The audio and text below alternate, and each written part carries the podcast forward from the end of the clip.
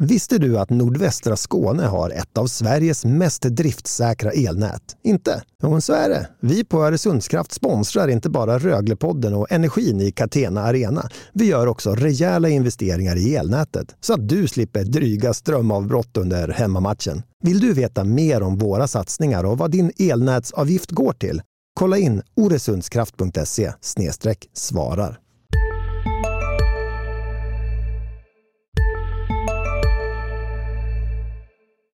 Ett meddelande först från vår samarbetspartner. Rögle BK leder SHL-tabellen. Söker du någon som kan leda dig eller ditt företag i djungeln kring försäkringar, pensioner och placeringar? Ta då Vågen Försäkringsbyrå i hand så kan de hjälpa dig.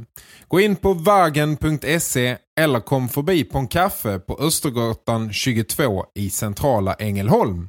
Vågen för vågen we're here to win a championship. I mean, I'm not no no issue saying that. Well, that's why are we doing this? It's to win. I mean, I I don't think uh, anybody that's involved at this level uh, has any other intention. So let's not uh, be afraid to say that. Många av de killarna som är här, många av de som har återvänt, återvänder på grund av att det, det sker saker som de tror kommer leda till att Rögle kan vara topplag i SHL. Hej och välkomna till veckans avsnitt av Röglepodden som innehåller massor, som alltid, bland annat en, ja, hyllning kanske man inte ska säga, stora ord kanske, men en, en spelare som har imponerat mycket. Och sen kan det bli Röglepoddens tidernas skallning signerad, ja, vi får se vem. Välkomna hit Daniel Roth och Linus Alin, själv heter jag Mattias Hjelm.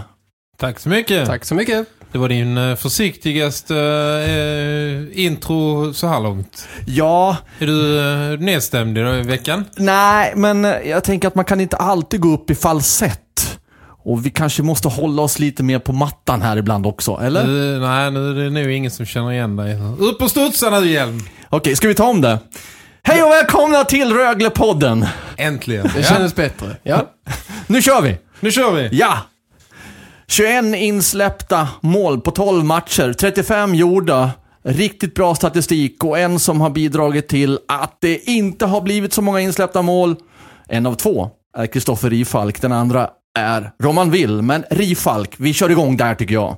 Vilken succé! Start av en SHL-nykomling ja, men han börjar väl eh, någonstans så visa upp eh, vad han kunde göra uppe i Skandinavium i den matchen när Rögle vann med, med 2-1 mot Frölunda. Han liksom klev upp eh, två hack vad gäller kvalitet och sen den här senaste matchen mot Skellefteå när han spikade igen och höll nollan och, och verkligen eh, rädda poäng åt sitt lag eh, var ju ytterligare ett bevis på vilken nivå Kristoffer Ifall kan eh, hålla. Vi har också pratat om målvaktsmatchen eh, ganska mycket hittills så att det har svängt mellan dem ett tag var Roman Villetta och sen har Ifalk varit uppe och nosat och de har varit helt jämna. Eh, nu ska ju sägas att eh, Roman Will inte fick särskilt bra hjälp av sitt försvar uppe i Karlsson när Rögle förlorade där. Men känslan är ju att Kristoffer Ifalks högsta nivå är lite, eller har varit lite, lite högre än Roman Wills hittills. Ja, jag är helt enig. Ehm, han har ju hoppat upp... Ehm, han har hoppat upp rätt högt eh, på, på kort tid. Jag vet att det, jag själv hade liksom resonemang inför säsongen om när man värvade, värvade Will. Man, man såg liksom Will som lite grann en första målvakt men ändå inte den typ av första målvakt som liksom bokar 80% av matcherna som kanske en Anders Lindbäck hade gjort. Eller kanske inte hade spelat någon roll hur vass eh, Rifalk hade varit. Men eh, med den här är ju lite mer en, en 60-40 historia så eh, finns det ju stora möjligheter för Rifalk att, att ta plats och det har han ju verkligen gjort. Han har spelat fem av de 12 matcherna och ligger på en räddningsprocent på 95,83. Det är riktigt högt. Okej, det är bara fem matcher ska man säga, men det finns ju en egenskap hos Rifalk som Rögle har värvat in, som de vet att han besitter och det är att när det bränner till så är det en kille som har psyket för att spela när det bränner till. Okej, det var allsvenskan förra året. Nu är det högsta serien, en av världens bästa serier. Men har man det där har man det förmodligen också i SHL. Ja, men det visar han de första matcherna. Att då, då gjorde han några liksom, eh, mindre bra ingripande och studsade tillbaka direkt. Det som jag tyckte hände, som jag sa efter, i Skandinavien, var att det var första gången jag såg honom och har sett honom ganska mycket de sista åren. Det var första gången som jag kände igen honom. Alltså jag tyckte att han spelade ut hela sitt register. Och det har han ju gjort sedan dess. Samma mot Skellefteå. Han är, nu är han väldigt bekväm i spelet runt, eh, runt kassen och han... Eh, Alltså, han utstrålar ett otroligt lugn. Om Will är ju mer en attackerande målvakt så, så är ju Rifalk den här moderna som bara känns som att han som en bordshockeymålvakt som bara liksom kasar runt helt upprätt liksom och, och bara täcker. Bordshockeymålvakt, du menar de här när man har de här spakarna man drar i? Ja, men eh, de är ju lite sådana dagens målvakter. Du ser ju, jag tror inte de behöver inte tvätta Rifalks tröja på ryggen i vinter för han kommer inte, han kommer inte ligga på isen en annan gång känns det som. Saknar man inte lite grann av Tommy Salos fotbollsräddningar också? Nej, man gör väl inte det. man gör, man gör, du gör inte det. Nej, men det var ju mycket mer spatteldockor uh, över hela målvaktsstilen. Många målvakter är ju så här idag att de de är väldigt, de sitter väldigt, uh, de är väldigt täckande. Liksom. Jag tycker också det är imponerande att Kristoffer Ifalk faktiskt befinner sig på den här nivån redan. Ja, även Roman vill. För det är två målvakter som kommer till ett nytt lag. Man ska lära känna ett helt nytt spelsystem och helt ny backuppsättning då man har närmast framför sig. Forwards ingår ju också i försvarsarbetet, men ändå. Det är inte självklart att det sitter bara några matcher in för, för de här två. Nej, jag tror de har fått ganska mycket hjälp av varandra faktiskt i, angående det här med, med ny miljö, ny eh, liga och allt eh, vad det nu är. För det är mycket som, eh, som eh, krävs anpa anpassning till när man kommer in i SHL. Pratar du med Roman Will, pratar du med Kristoffer Ifalk så är det två människor som liknar varandra på rätt så många sätt. De är otroligt liksom lugna, de stressar inte upp sig och eh, har man en sån målvaktskollega så är det också, eh, om man är så själv så har man ju en fördel av det för att de kan Ehm, de kan ta hjälp av varandra på, på ett sätt när man är på samma våglängd som gör att de kan eh, dra varandra framåt och hjälpa varandra framåt. Jämför då Rifalk och Will med Poggi som var liksom väldigt, eh, en väldigt liksom excentrisk person eh, utanför också. Eh, Kolpanen som eh, hade sina sidor när han, eh, vi vet ju alla hur det kunde gå när han blev förbannad i matcher och när han var förbannad efteråt. Eh, två jättetrevliga mål, alltså, eh, människor båda två, jag vill understryka det, men det finns ändå jättestora skillnader i personlighet på Rögles målvaktspar nu och det de hade för säsongen. Alltså du exakt, jag tänkte på samma sak, eh, men vi, vi som var med på den här vår nedsläppskväll förra säsongen med, med Poggi och, och Kolpanen såg ju liksom det var ju två komiker som, som skojade och spexa och bjöd på sig själva och var, som du sa, väldigt liksom, excentriska båda två. De här två är ju i andra änden av, av eh, repet får man ju säga. Eh, personlighetsmässigt. Absolut. Otroligt liksom lågmälda och tyst, tystlåtna och, och ödmjuka och tar inte, tar inte jättemycket plats. Och det speglar, speglar sig som du är inne på Daniel på deras sätt att agera på isen också om man kan dra den parallellen. Alltså två lugna människor och du kan rädda eh, puckar på olika sätt ju. Alltså Kolpanen hade ju sin stil, han var överallt och ingenstans och flaxade omkring. Eh, såg väldigt snyggt ut många gånger eh, men också släppt in en del puckar på grund av det. Nu har du ju två målvakter här som får målvaktslivet att se ganska bekvämt och enkelt och lugnt ut på isen. Och det är ju det man många gånger behöver som försvar också.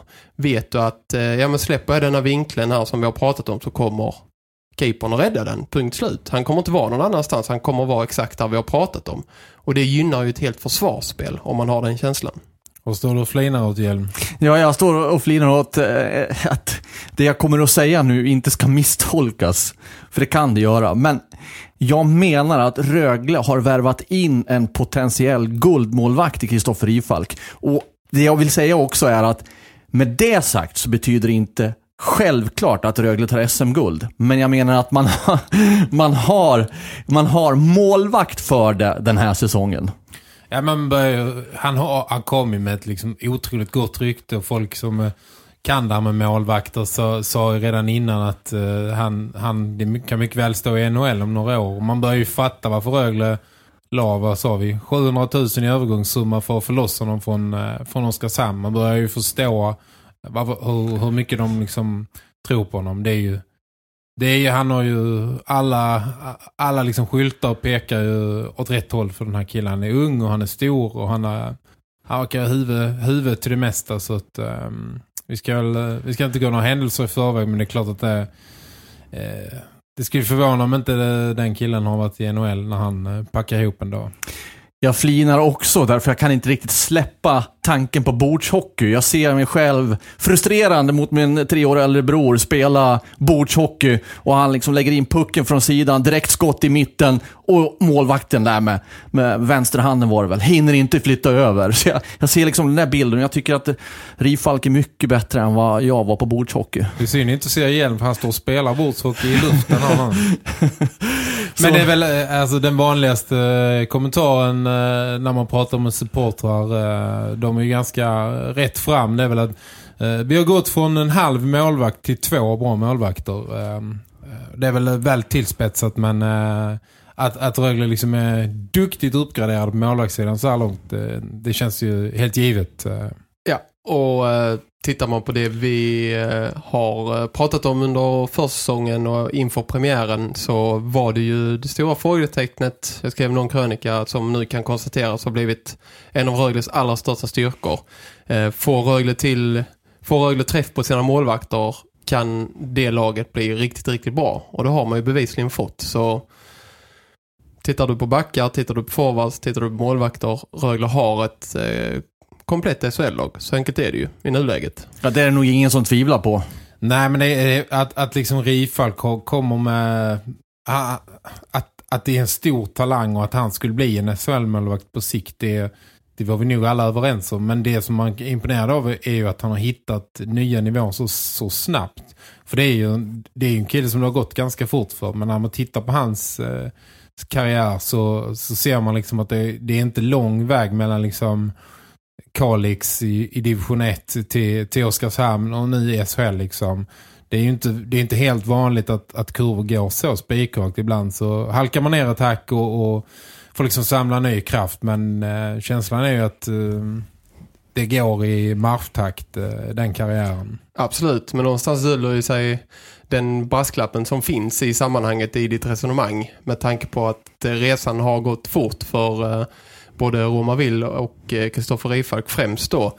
Eh, vi är, vad är vi, 12 matcher in på säsongen. Eh, två formtoppade målvakter. Ehm, kan de fortsätta prestera så här över längre tid? På lång sikt? Eller är det en eh, tillfällig liksom formträff? Nej, de kommer att spela så här hela säsongen. Ja, men det, som, det som jag tycker talar för uh, Rifalk i alla fall att han har, han har ju en väldigt lugn stil. Det känns ju inte som att, visst han har gjort lite avgörande räddningar och de har haft marginalerna på sin sida. Uh, men det känns som att han har, han har ett spel som, uh, som är väldigt lugnt och väldigt samlat. Det känns som att det är väldigt mycket puckar som, som studsar rakt på honom. Men samtidigt sen är det ju också så att vi kan väl komma in på det mörka moln längre fram. Men känslan är just nu att, att Rögle har, eh, har flyt. Liksom. Jag, jag satt vid den sidan och såg Skellefteå eh, i första perioden som kom ut rätt starkt i, i lördags. Med, med liksom, är man inne i en fas där det inte riktigt studsar med, då kunde det stått 0-2 efter 10 minuter och sen hade den matchen varit jobbig. Men just nu är Rögle inne i den, eh, i den loopen att eh, de puckarna studsar inte in och istället så gör man 1-0 på sitt första skott. Så att, eh, fortfarande vänt, väntar jag lite grann på att eh, det ska börja studsa emot dem. Man säga. För det känns som att de har förtjänat mycket men de har, de har mycket studsar med sig också. Det intressanta i det sammanhanget är ju att Rögle kom från en eh, plump i protokollet eh, som var ganska stor. Man lunar med, med 5-1 innan det blev 5-3 upp i, i Karlstad och var, eh, vad stod det efter första? 3-0 ja. till Färjestad i den matchen. Och det kunde ju ha varit början på en, en, den här första svackan. Vi har sagt att den, den kommer att komma så småningom. Och, och så är det ju givetvis. Alla lag har eh, tyngre perioder över en 52 matcher lång grundserie. Men det är ju intressant att laget eh, liksom lyckades och, och kavla upp och resa sig från eh, den förlusten med, med förutsättningar också lång bussresa hem från Karlstad eh, tidig lördagsmatch eh, med allt vad det innebär förutsättningsmässigt också. Det är ändå tecken för mig eh, dels med karaktären i laget, tryggheten i laget. Eh, för det, Skellefteå är och var bra i den matchen. Eh, marginaler, absolut, jag håller med. Men samtidigt så eh, är det ett styrkebesked att man, man kommer upp till de spelmässiga nivåer som Rögle gjorde stundtals i den matchen efter en sån insats som, som den i Karlstad? Ja, men det är, jag, det är jag helt överens med dig om. Det är klart att det som hände i Karlstad där torsdagen jag skrev det efteråt det är inte, det är inte förvånande, det enda som är förvånande är att det har tagit så lång tid innan man såg någon slags mänskliga drag eh, av det här laget. För det har ju gått som gått så, rätt så robotaktigt liksom. Men det är klart att det var ett av de mest intressanta lägena liksom, inför Skellefteå-matchen. Är det en flyga liksom, har de överposterat eh, och så sätter man ner foten på det sättet. Jag menar inte att, att de gjorde någon svag match alls. Att det kunde stått 0-2 med att Skellefteå börjar så, börjar så starkt. Liksom. Men det är klart att de, de satte ner foten och, och liksom med besked visade att, att de är på riktigt. Att det, det vilar på väldigt, väldigt eh, trygga fötter det här gänget. Jag ska sticka ut hakan nu. För ni har ju varit inne på det tidigare och inne på det igen att eh, en svacka kommer över 52 omgångar. Och Den det, kommer inte. och det är ju normalt. Jag är faktiskt inte så säker på att det kommer att komma någon svacka för Rögle den här säsongen. Jag tycker inte det finns egentligen någonting som tyder på det. En period av 36 så här långt man faller igenom. En period. Varför skulle det plötsligt komma en svacka? Nah, och så ska Ted Brithén in i det här också. Nej, nah, jag tror att det här kan bli en en, eh, vad säger man, en Eriksgata, en Vintergata, en Galax. Vad, vad pratar man om för Nu Rögle-supportrar? pratar de nog om olika saker. Eriksgata och Galax. Men det är ja. Jo, men du pratar om stora saker Ja, stora saker. Kosmos. Definiera svacka då i dina bas och Alltså, en svacka en, för mig, då ska man ju ha ett par stycken. Ja, det måste ner i alla fall mot bortåt fyra raka förluster. Det är en svacka för mig. Tre, kanske. Definitivt inte två. Jag tror... Jag är tveksam till om det kommer att bli mer än två matcher raka förluster för Rögle någon gång under hela säsongen. Kanske tre. Någon gång under resten av tidens återstod. Ja. Jag tror högst, högst tre raka förluster under hela säsongen. Kanske inte ens det. Vår, vår uppgift är ju ändå att vara eh, kritisk eh, granskare och det är en uppgift vi tar på största allvar. Så vi har en punkt här lite längre fram som heter moln.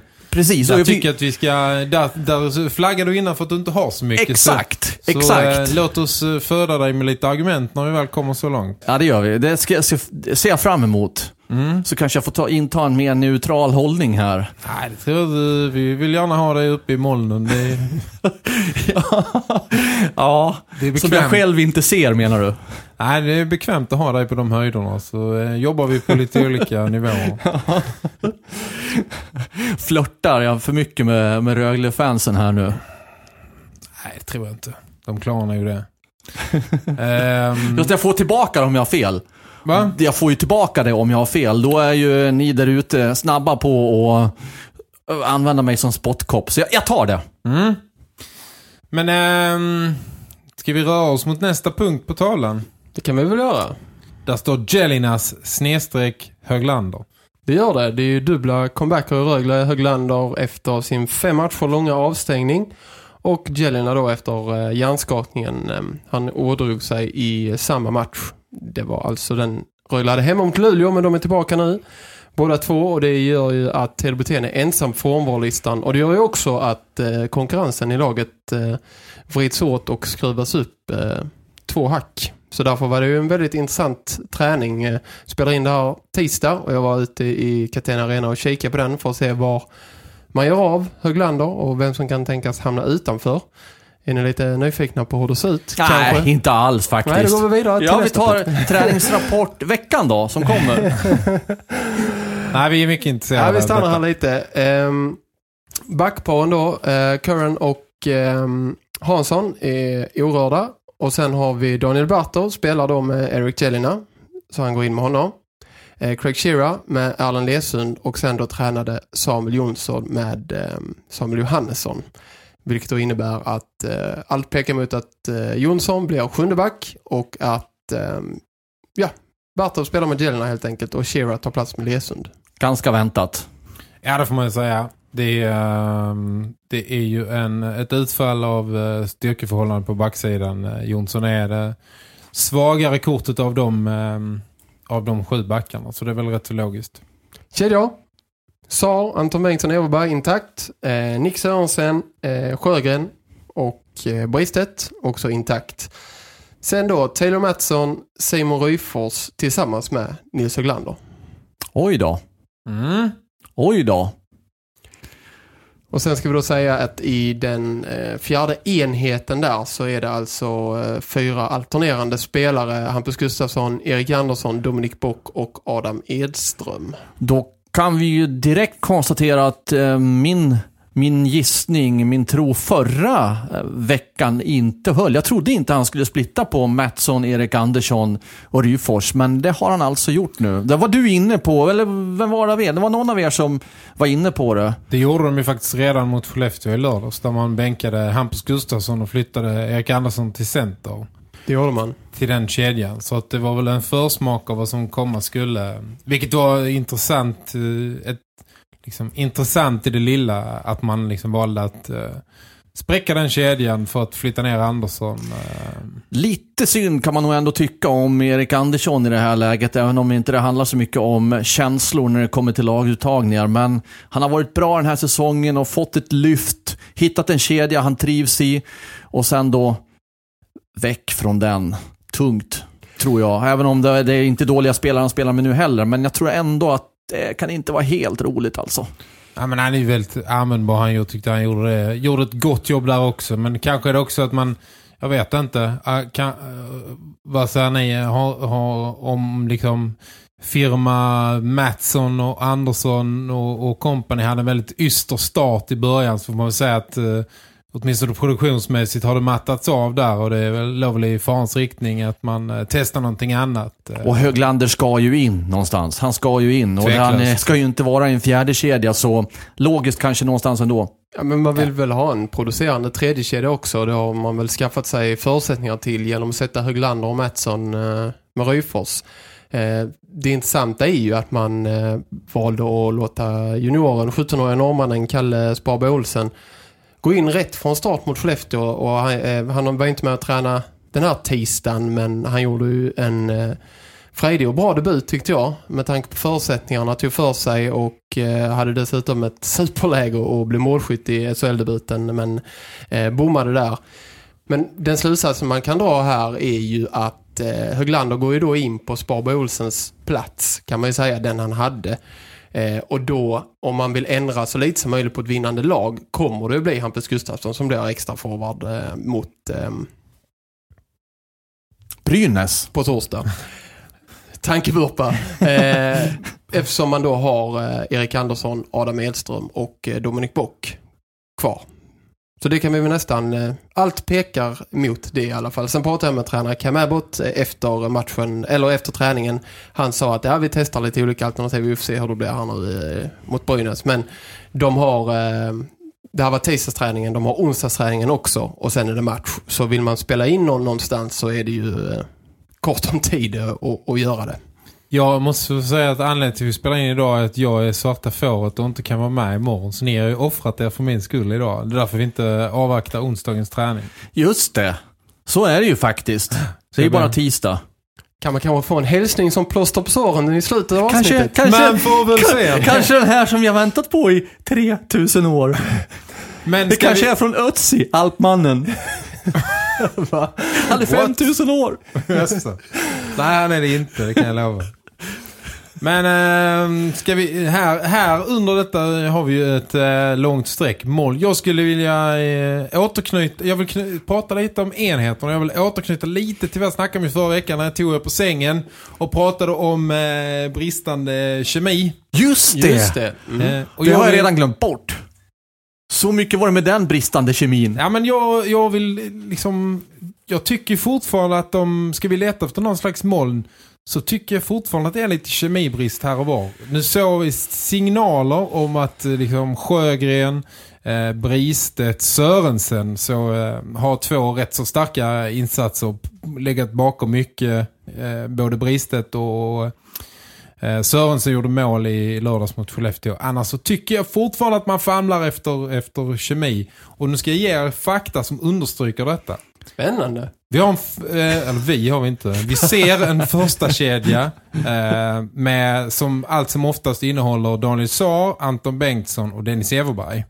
Eh, Daniel Saar är väl att betrakta som eh, lagets, eh, en av lagets vassaste målskyttar. Mm. Hur, många, hur många mål har han gjort i spel 5 mot 5 efter 12 matcher? Ett kanske? Ett mål! Oj, rätt. Det var kul. Har ni pratat er samman eller? Nej, Nej. men han brukar göra sina mål i PP. Han har gjort eh, 4 plus 4, 8 poäng och han har inte varit dålig. Men jag- jag tycker att det någonstans understryker att Rögle har ingen första kedja som går på kemiska eh, ångor. Ja, men det såg man väl nu mot Skellefteå också. Rögle avgör ju matchen mot Skellefteå i sitt powerplay. Eh, det är inget snack. Man får eh, läge där, Skellefteå bommar sina och sen så har man i ett powerplay till exempel med Curran som slänger över en kanonpass till Sar som drar, till direkt och eh, fixar liksom segern tillsammans med då Rifalk i kassen. Men fem mot fem så eh, var det ju Sjögrens line som stack ut och eh, kedjan med Anton Bengtsson, Everberg och Sar syntes ju inte alls lika mycket. Det är klart, ska man lägga till lite extra till din eh, statistikbank där så har ju inte Anton Bengtsson varit någon poängspruta i den första kedjan. Men det är klart att jag tänker också att de där tre spelarna måste få ha tillåtelse att gå lite boom emellanåt också. Jo, men det tror jag. Om jag ska liksom problematisera det hela så, så är, det väl, är vi väl tillbaka på Ted Brittens eh, betydelse. Eh, han, han, han, bygger ju, han bygger ju spelarna han spelar med. Eh, och jag tycker väl än så länge Anton Bengtsson har fått mycket rosor välförtjänt. Men han har inte, än så länge har inte jag sett det offensiva liksom uppgraderingen eller det offensiva registret. Och det har ju inte heller eh, Mattias Sjögren har aldrig varit en, en center med den stora offensiva uppsidan. Det är en väldigt defensivt stark center men jag ser inte riktigt heller den offensiva liksom, delen. Det är Simon Ryfors är, är något som liknar en offensiv eh, en offensiv center men annars är det ganska de Men är, inte Simon, Ryf- Simon Ryfors har inte heller den där självklara målgarantin i sig trots en massa chanser. Så det går liksom inte att ersätta Ted Brithén. Nej, det gör det inte. Eh, De, de har ju någonstans, någonstans en, eh, en fungerande centerstruktur när Tebrutén är hel. Men de, ska man bygga kemi, bygga liksom offensiv kemi så eh, tycker jag inte riktigt, eh, de har inte riktigt eh, centrarna till det kanske. För att, jag menar, tittar man produktionsmässigt så eh, det är ju det är ju försvarsspelet och målvaktsspelet som vinner matcherna åt dem. Det är ju inte eh, målskyttet. Eh. På pappret så tycker jag ju att de, eh, det skrev jag efter någon match också, jag tror det var, eh, det var Växjö-matchen, att just spetsen, den spets Rögle har i truppen nu, är den bästa de har haft någonsin. Men det är ju, som du säger där Daniel, att spets och kemi är ju ganska långt ifrån varandra. Alltså Johan Matti Altonen är ju i sina bästa dagar till exempel jättemycket spets. Men Mm. hittar inte han kemin med någon så är ju han oanvändbar eh, ändå. Och det kan man ju spåra ner i, i alltså samma typ av resonemang kan ju finnas i Rögles trupp nu. Man har Everberg, man har Curran, man har Sar, Bristet, men hittar inte de någonstans likt Ted Brithén-line förra säsongen och, och, ehm, och liksom frodas så, eh, så faller ju mycket. Ja, men det, är ju, det har varit väldigt många tajta matcher och det är ju ofta liksom försvarsspelet, målspelet och sen är det någon som har studsat fram och gjort något eh, avgörande och avgjort en, en tajt match. Liksom. Men eh, jag tycker att de har, och, och, ehm, ja, de har ganska långt kvar där. Och jag tyckte det var intressant, jag intervjuade Leon Bristet inför Skellefteå-matchen. Eh, Och han var också inne på, på det här med vi kan liksom inte bara förlita oss på ett, eh, på ett bra försvarsspel. Och jag tyckte också det var intressant att han, vi snackade med honom Linus nere i eh, Köln. mig, Köln. Mm. Där han snackar om att det spelar ingen roll. Eh, han tonar ner det här med vem han spelar med. Att det inte eh, är så viktigt. Nu öppnar han ju dörren, eh, får man ju säga, på vidare gavel och pratar om att han verkligen hoppas och har en inre önskan om att få spela ihop med Ted och, och Sar igen. Och det är väl ändå någon slags liksom, verbal markering, eller? Det var ju ett statement. Alltså han är ju eh, så pass... eh, Han är ju väldigt skarp, Leon eh, Bristet, så han vet ju Ja, han fick, vad han ska säga i, i vissa lägen och det var ju en, en kändes som en markering, inte, nödvändigtvis mot någon, men en markering för sig själv. Att, eh, Ja, men han fick megafonen och tog den. exakt. Men han gör ju inte det lättare för sig att få spela med dem igen när det funkar bra med Sörensen och Sjögren. Nej, och jag tror kanske lite grann, jag vet inte om det är du Linus eller någon av oss har varit inne på det resonemanget att han är kanske lite grann ett offer för sin egen eh, framgång förra säsongen där, där man kanske tänkte att sätter vi Bristet med eh, den så kan vi lyfta Bristet. Men nu eh, med den säsongen Bristet har ryggen så är det kanske nästan omvänt att sätter vi den spelaren med Bristet så kan han få ett lyft liksom. Så att han eh, Ja, kan men- skylla sig själv att han Vi är specialister på det vi gör, precis som du. Därför försäkrar vi på Swedea bara småföretag, som ditt. För oss är små företag alltid större än stora och vår företagsförsäkring anpassar sig helt efter firmans förutsättningar. Gå in på swedea.se företag och jämför själv. Hej, Synoptik här. Hos oss får du hjälp med att ta hand om din ögonhälsa. Med vår synundersökning kan vi upptäcka både synförändringar och tecken på vanliga ögonsjukdomar. Boka tid på synoptik.se. spelar bra för säsongen. Ja, men, eh, ja, men apropå, jag vill inte ta någonting från Nick Sörensen till exempel som har eh, enligt mig tagit helt rätt väg in i det här laget. Nu har han väl gjort eh, ett mål och två assist på de två senaste matcherna och eh, ser allt bättre ut spelmässigt också och gått via fjärde kedjan eh, och krigat sig in till sin, den platsen han har just nu då. Men spela med, med en sån som Bristet som, som kedjekompis, det är väl klart att det, det hjälper eh, på alla sätt och vis med tanke på hur Leon Brisset är som spelare. Så ja, det resonemanget eh, håller absolut. Kan vi få höra vilka fler monsunregn som finns i Rögle? Nu var det den kemiska processen då i första kedjan, andra veckan i rad här. Och så var det alltså målproduktionen framåt som då är bara på 35 mål. Om man nu kan säga så. Ja, men vi har ju Dominik Bock överst på listan. Han har ju åkt uh, hiss neråt i, i laget och, och i fjärdekedjan. Det är ingen fjärdekedjespelare. Uh, det, det måste ju betraktas som ett mål. Det är en kille som är NHL-signad och är här för att studsa och göra en bättre säsong än han gjorde i Växjö. Han ska ju göra braksuccé och spela NHL nästa år. Men det har vi inte sett röken av några sådana tendenser än så länge. Fortsätter det så här så eh, höjer jag ett varningens finger för en utlåning framöver. För det, han kommer inte, tror jag, vara nöjd. Utifrån det du precis berättade, att få eh, allt mindre speltid eller längre ner i hierarkin. Han, be- ja, det där är... Utlåning kontra övergång. Mm. Ja, utlåning tror jag inte. Då är Nej, det kanske är övergång då som gäller. Men det, det blir svårt med de här NHL-klubbarna som lånar ut. Man, man, eh, någonstans tar man på sig ett ansvar och sen så en spelare som går lite trögt. Det, är inte så, det blir lite svårare om man, man, eh, jag antar att Rögle liksom vill, vi vill liksom eh, nischa sig som, som något bra i, i förhållande till klubben som lånar ut honom. Eh. Samtidigt går det liksom inte och han har, det finns ju inga ursäkter. Han har ju fått spela liksom med bra folk och fått spela i, i powerplay.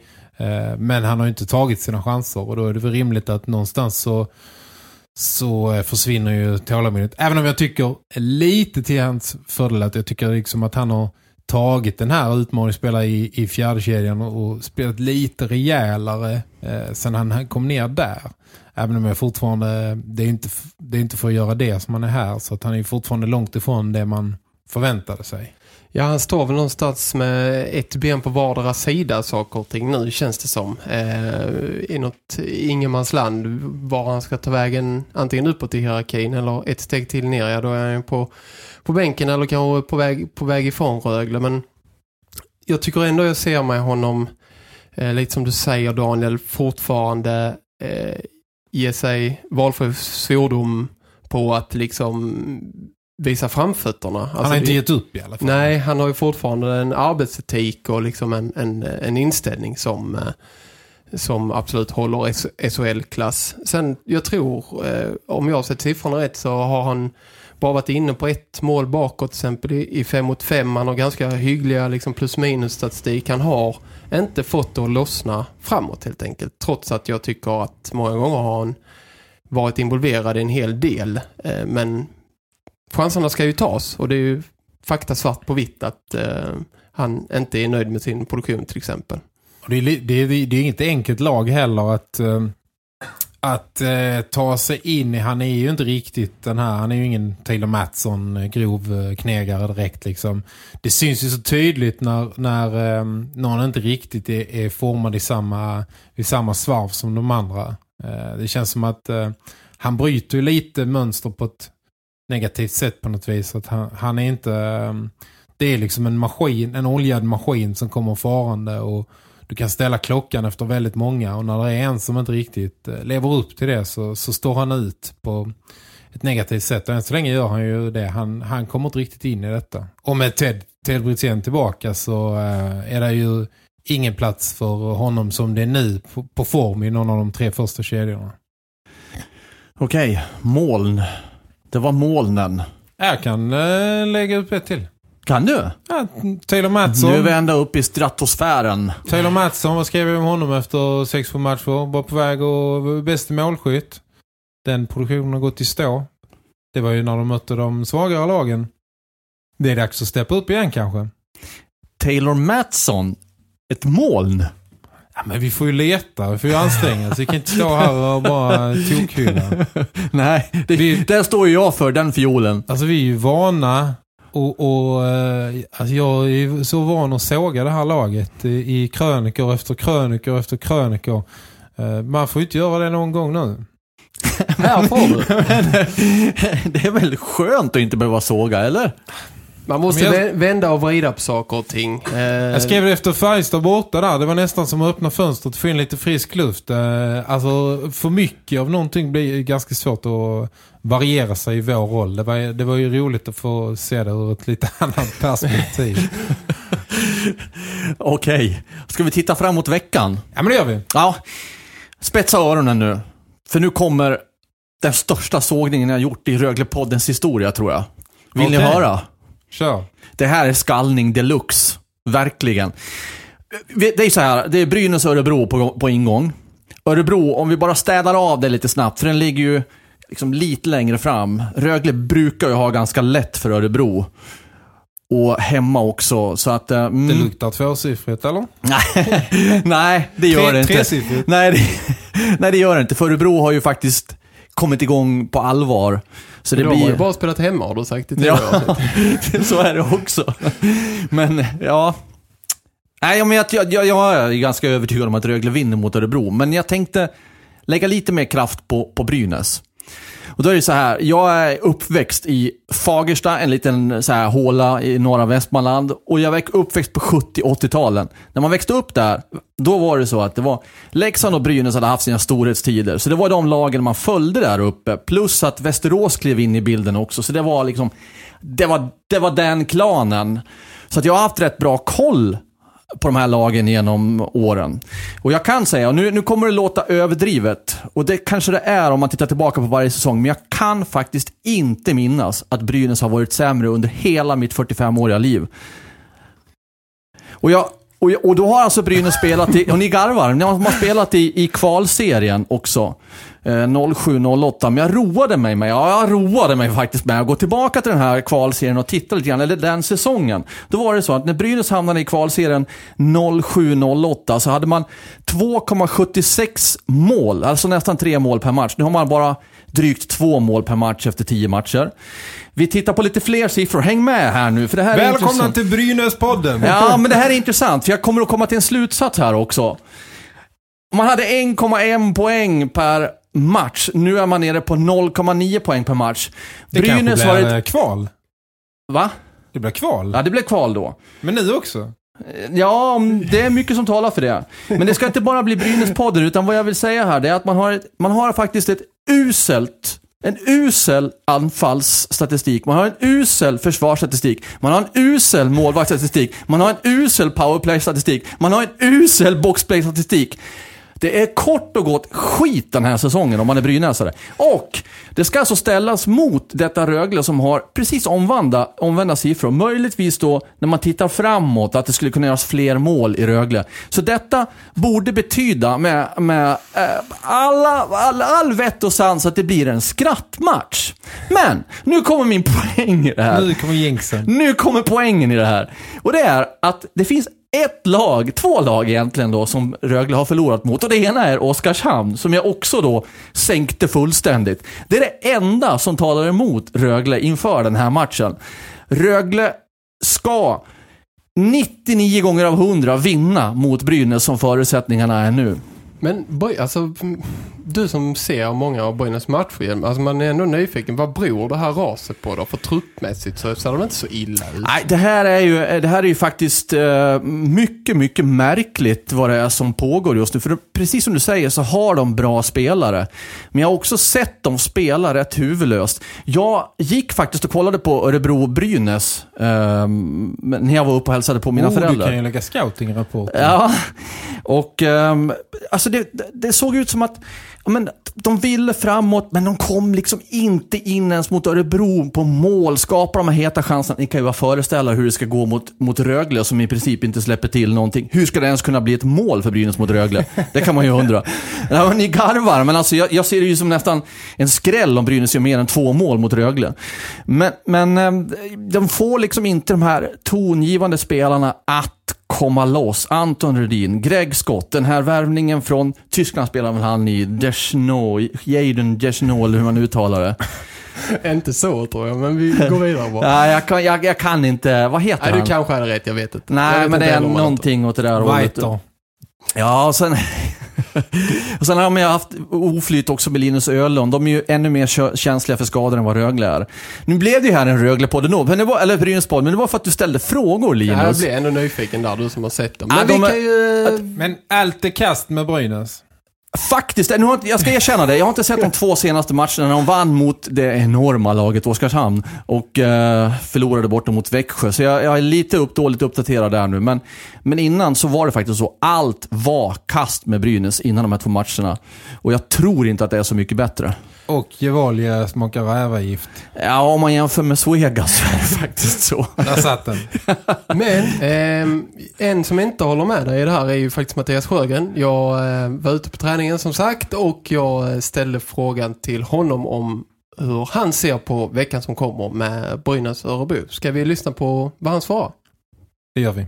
Brynäs borta känns eh, eh, ett lag som kanske inte har så bra självförtroende just nu men, men de farliga men bra hemma. Eh, generellt sett brukar de vara powerplay, de har strul där också. Eh, men vi måste ju vara betona och vi har bra självförtroende så vi ska liksom inte tänka så mycket på vad de gör utan eh, mer på vår egen prestation och utnyttja det självförtroende vi har. Och, så har vi Örebro hemma där vi vill spela bra hemma. Örebro har väl också bra flyt och har spelat bra på slutet men jag tycker det är samma där. Vi ska tänka på oss själva och utnyttja vårt eh, flyt just nu och spela med självförtroende. Vad betydde segern mot Skellefteå i lördags med tanke på att ni kom från en tung förlust uppe i Karlstad? Det betyder ju alltid att man kan eh, liksom studsa tillbaka direkt och få eh, känslan av vinst direkt. Den är härlig. Eh, inte behöva tänka på två förluster i rad och börja liksom peta i detaljer direkt. För det är lätt hänt att man gör det. Utan vi studsar tillbaka och vinner. Det, det är bra för gruppen, bra för självförtroendet igen. Vi, ja, vi tror verkligen på oss själva så det känns tryggt. Och din kedja då med Nick Sörensen och Leon Bristet eh, har fått ett par matcher ihop nu. Hur eh, känns kemin där så här långt? Det känns bra. Alltså, två skickliga eh, vingar på mina sidor som är bra, bra skott, bra skridskoåkning. Eh, bra erfarenhet också. Spelat, eh, både att vi har varit med i landslaget och eh, jag har spelat på, på toppnivå här i SHL. Så att det är två bra spelare med mig. Du själv har gjort 6 poäng nu på 12 matcher. Om du eh, buntar ihop din egen säsongstart, vad kommer du fram till för slutsatser då? Ja, men jag tycker det känns stabilt. Visst Visst, det finns alltid mer att önska offensivt. Eh, samtidigt så i början av första matcherna känns det som vi den kedjan spelade då skapade väldigt mycket men vi fick ingen utdelning. Men vi trummar på. Det ska spelas 52 omgångar. Jag tycker det känns stabilt och jobbar jag bara på hårt så kommer eh, belöningen offensivt också. Jag tycker det har börjat komma nu på slutet också de senaste matcherna. Så jag tycker det känns bra. Den fysiska delen då med tanke på eh, vad du ville åstadkomma och vilken form du ville komma in i den här säsongen med. Hur känns den delen?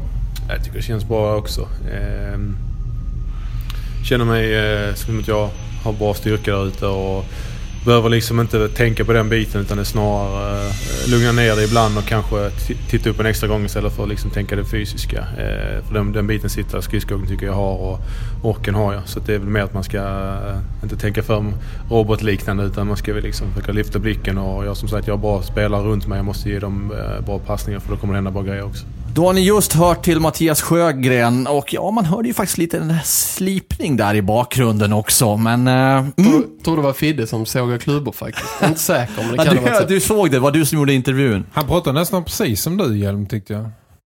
Om uh? Boyne, Boyne Ja, som sågar motståndare. ju, sågar ju Brynäs Ja, ja, ja, det menar att- så. Ja. Ja, för sig, Brynäs har ju värvat in Emil Molin nu. Det kanske blir bättre i powerplay. Ja, vi får se. Skit, skitsamma, skit i Brynäs nu. Nu ska vi snacka spaningar, Daniel. Eh, ja, men jag har en spaning och eh, om jag nu uh, anlade en kritisk utblick i mitten där så ska jag återknyta till det vi pratade om i början med de insläppta målen. Jag var inne lite på det här ämnet i en krönika men jag tycker det är ändå så pass intressant så att jag vill lyfta upp det här. Alltså de har då spelat 12 matcher i skrivande stund och i sex av de här matcherna har man släppt in antingen noll eller ett mål. Det är rätt anmärkningsvärt till att börja med. Eh, max ett insläppt mål på, på, eh, i hälften av matcherna. Och en grej som, som eh, alltså i slutet av matcherna avgörs ju matcherna. Många matcher har varit väldigt jämna. Och jag räknar lite på när Rögle har släppt in sitt sista mål i matchen. Eh, och faktum är att efter 13 och 29 i tredje perioden har man inte släppt in ett enda mål. Eh, på 12 matcher.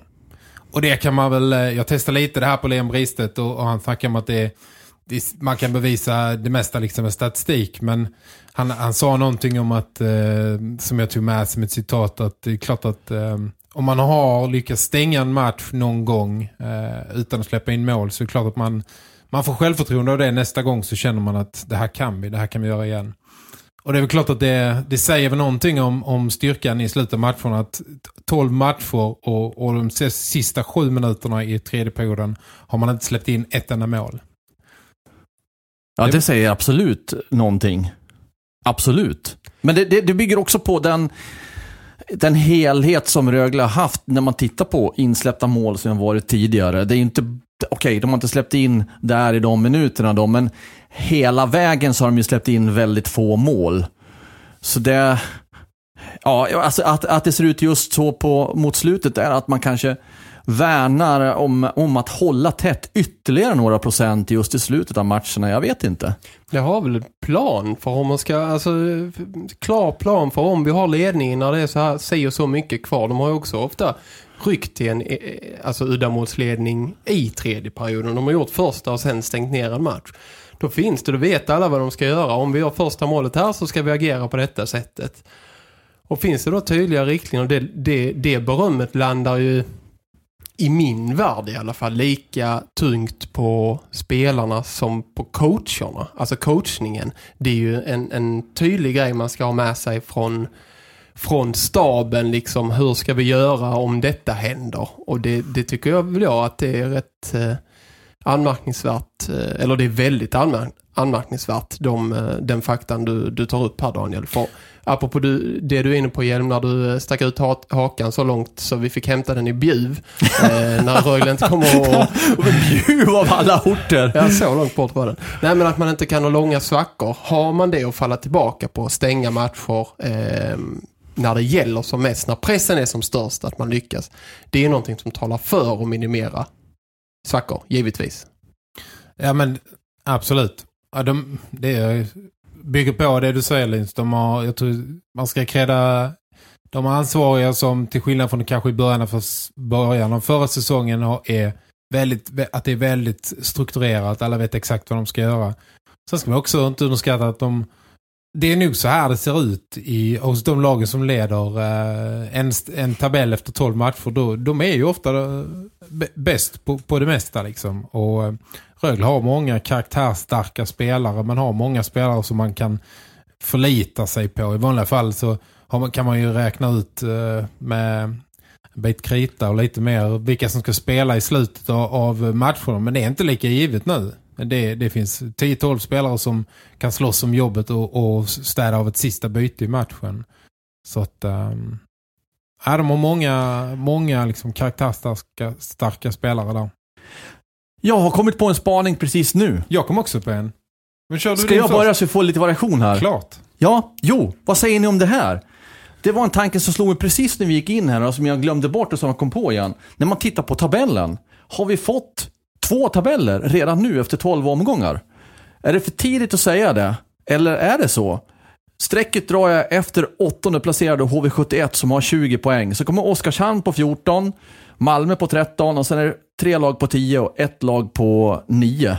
Okej, det är lite haltande tabell med antal matcher. Men är det så att vi redan börjar se en tendens till två tabeller?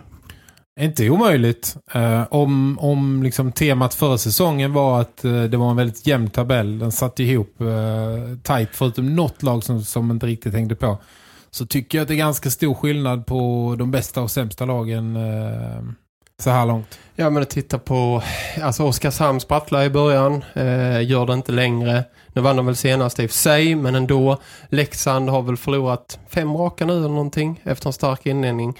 Lite så här eh, nykomlingssyndrom. Eh, man, alltså Leksands signalerna är väl att man spelar ganska bra. Man får inte in pucken. Alltså de här eh, typiska... Eh, ja, så som det brukar se ut. Och eh, har, har man då sett över en hel säsong så, så talar det ju för att man kommer att slåss där nere i botten också.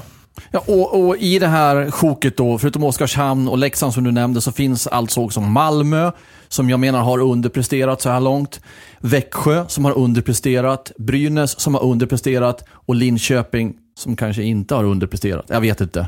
Svårt att säga på förhand så, men, men eh, det är möjligt att det är en, en linje som går där. Att Oskarshamn... Eh, det här är the lower part. Undre halvan, någon slags eh, eh, division 1 SHL. Ja, men det är ju ett, det är ju ett par lag, eh, eller det är de gängen där nere som sliter enormt med sig själva. Har svårt att få ihop något som liknar en helhet. Och så jämför det liksom med det som Skellefteå och Djurgården har visat upp när de har kommit hit. eh, Och Rögle, det är ju än så länge enorm klasskillnad på eh, bäst och sämst. Men det är ju helt sjukt alltså. Det skiljer, efter 12 omgångar så skiljer det, kan jag inte ens räkna, 19, 18, 18 poäng. 18 poäng mellan topp och botten. 18 poäng på 12 omgångar, 12 matcher. För de har spelat lika många Rögle och Linköping. 18 poäng, det är mycket. Mm. Det är faktiskt mycket. Det är det. Härligt! Du hade en till Daniel. Ja, men jag... Eh, nu är det möjligt att vi, det här blir snabbt daterade uppgifter, men vi, eh, jag noterade i förmiddags att eh, den vanligtvis så Malmö välunderrättade Mr. Maddox skrev att Daniel Widing är på ingång i Oh, Malmö. Just det. Det är väl en snackis? Ja, det är det Så då verkligen. kan vi väl räkna med att det lär bli så. Ja, eh, och Malmö värvar väl en, ytterligare en spelare eh, under den här tisdagen. Eh, kommer jag inte riktigt ihåg. Mattias Myttynen. Precis. Ja, det kan jag ingenting om. Nej, men det, det rör på sig det är väl en derbykittlare om något och med Daniel Widing som var extremt populär i Ängelholm och han ska dyka upp i Malmös tröja. låter logiskt på många sätt att han skulle göra det. Malmö behöver in vad ska man säga, vind i seglen i en trupp kanske, alltså som har gått eh, haft eh, lite kämpigare än väntat i början. Kommer Daniel Widing in som är beryktad stämningshöjare och någon som kan eh, kan liksom dra igång ett lag. Ehm, han eh, har familjen i, i eh, närområdet, nordvästra Skåne och jag har tidigare i intervjuer sagt att han gärna stannar i närområdet. Så att ska man då spela i SHL så finns det inte jättemånga klubbar att, att välja på helt enkelt. Så logiskt sett så, så känns den ju eh, väldigt eh, rimlig. Jag trodde faktiskt att han skulle kunna hamna just i Brynäs, Brynäs annars, som Johan har starka kopplingar till uppe i Gävle. Uh, möjligtvis då att de ändå har valt att inte plocka in han på grund av åldern. Till skillnad från Malmö då som inte har satt sådana aspekter tidigare, Lex Ledin. Sen kan man väl vara, om man är lite, tittar bakåt och är prestigelös som jag inbillar mig att jag är.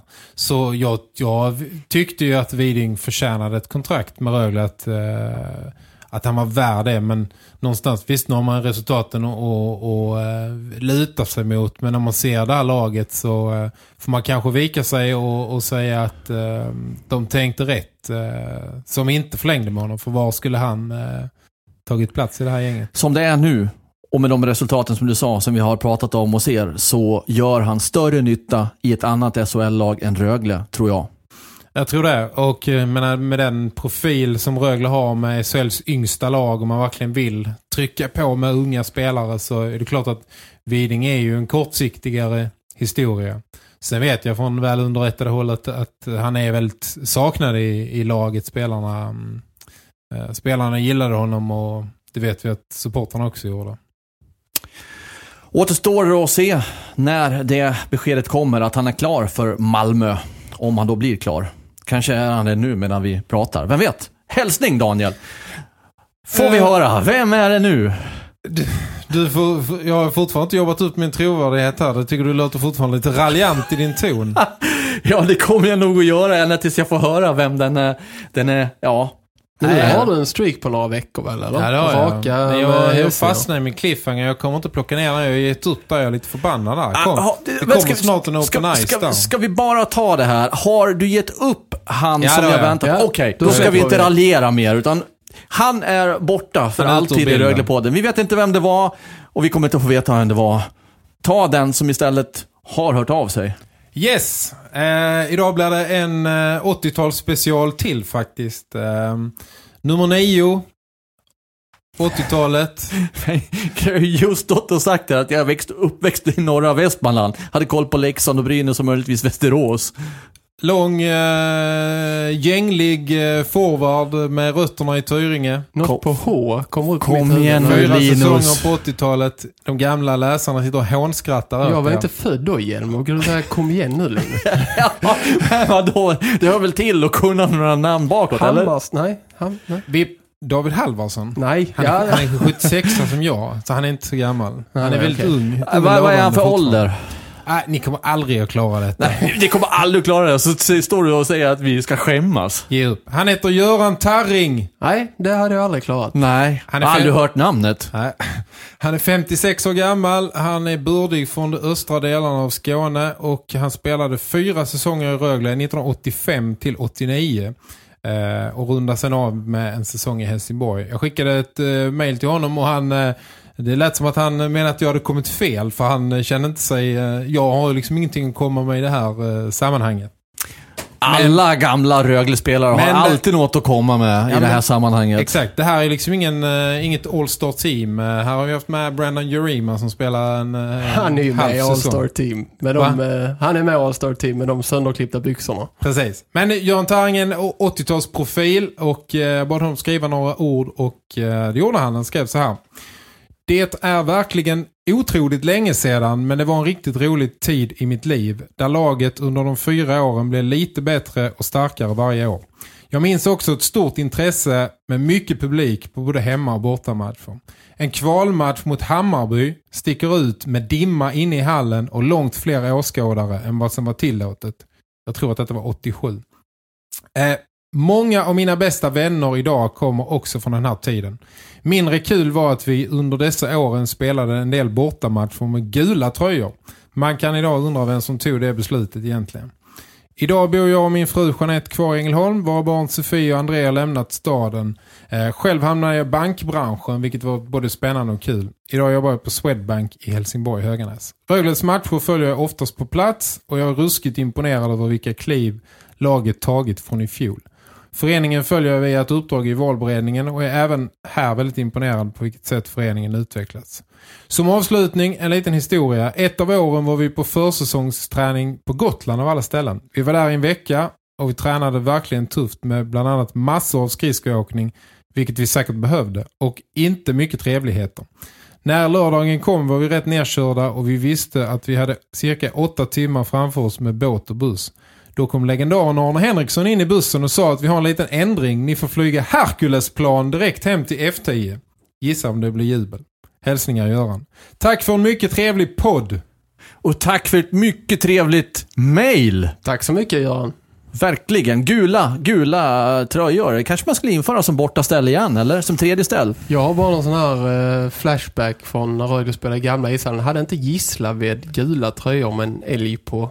Det vill jag eh, komma ihåg. Det kan stämma. Jag har varit på många matcher i Gisslerinken. Känns som att det här är ett område jag inte behärskar, de här områdena. Men det finns fortfarande Rögle-supportrar som är traumatiserade av uh, kycklinggula bortatröjor som användes under något år på 80-talet.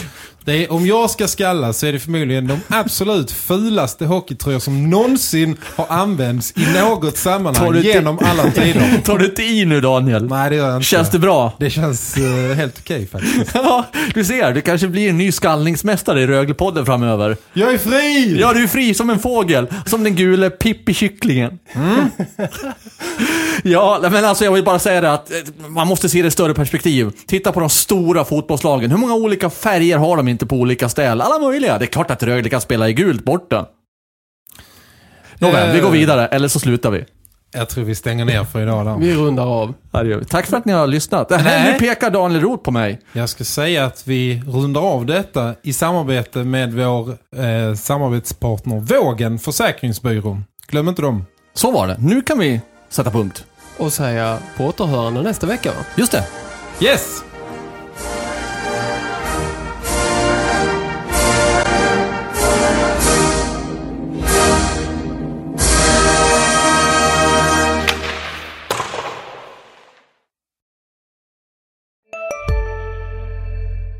Välkommen till Maccafé på utvalda McDonalds restauranger med Baristakaffe till rimligt pris. Vad sägs om en latte eller cappuccino för bara 35 kronor? Alltid gjorda av våra utbildade baristor. Hej, Susanne Axel här. När du gör som jag och listar dig på en av Krys vårdcentraler får du en fast läkarkontakt som kan din sjukdomshistoria. Du får träffa erfarna specialister, tillgång till lättakuten och så kan du chatta med vårdpersonalen. Så gör ditt viktigaste val idag, lista dig hos Kry.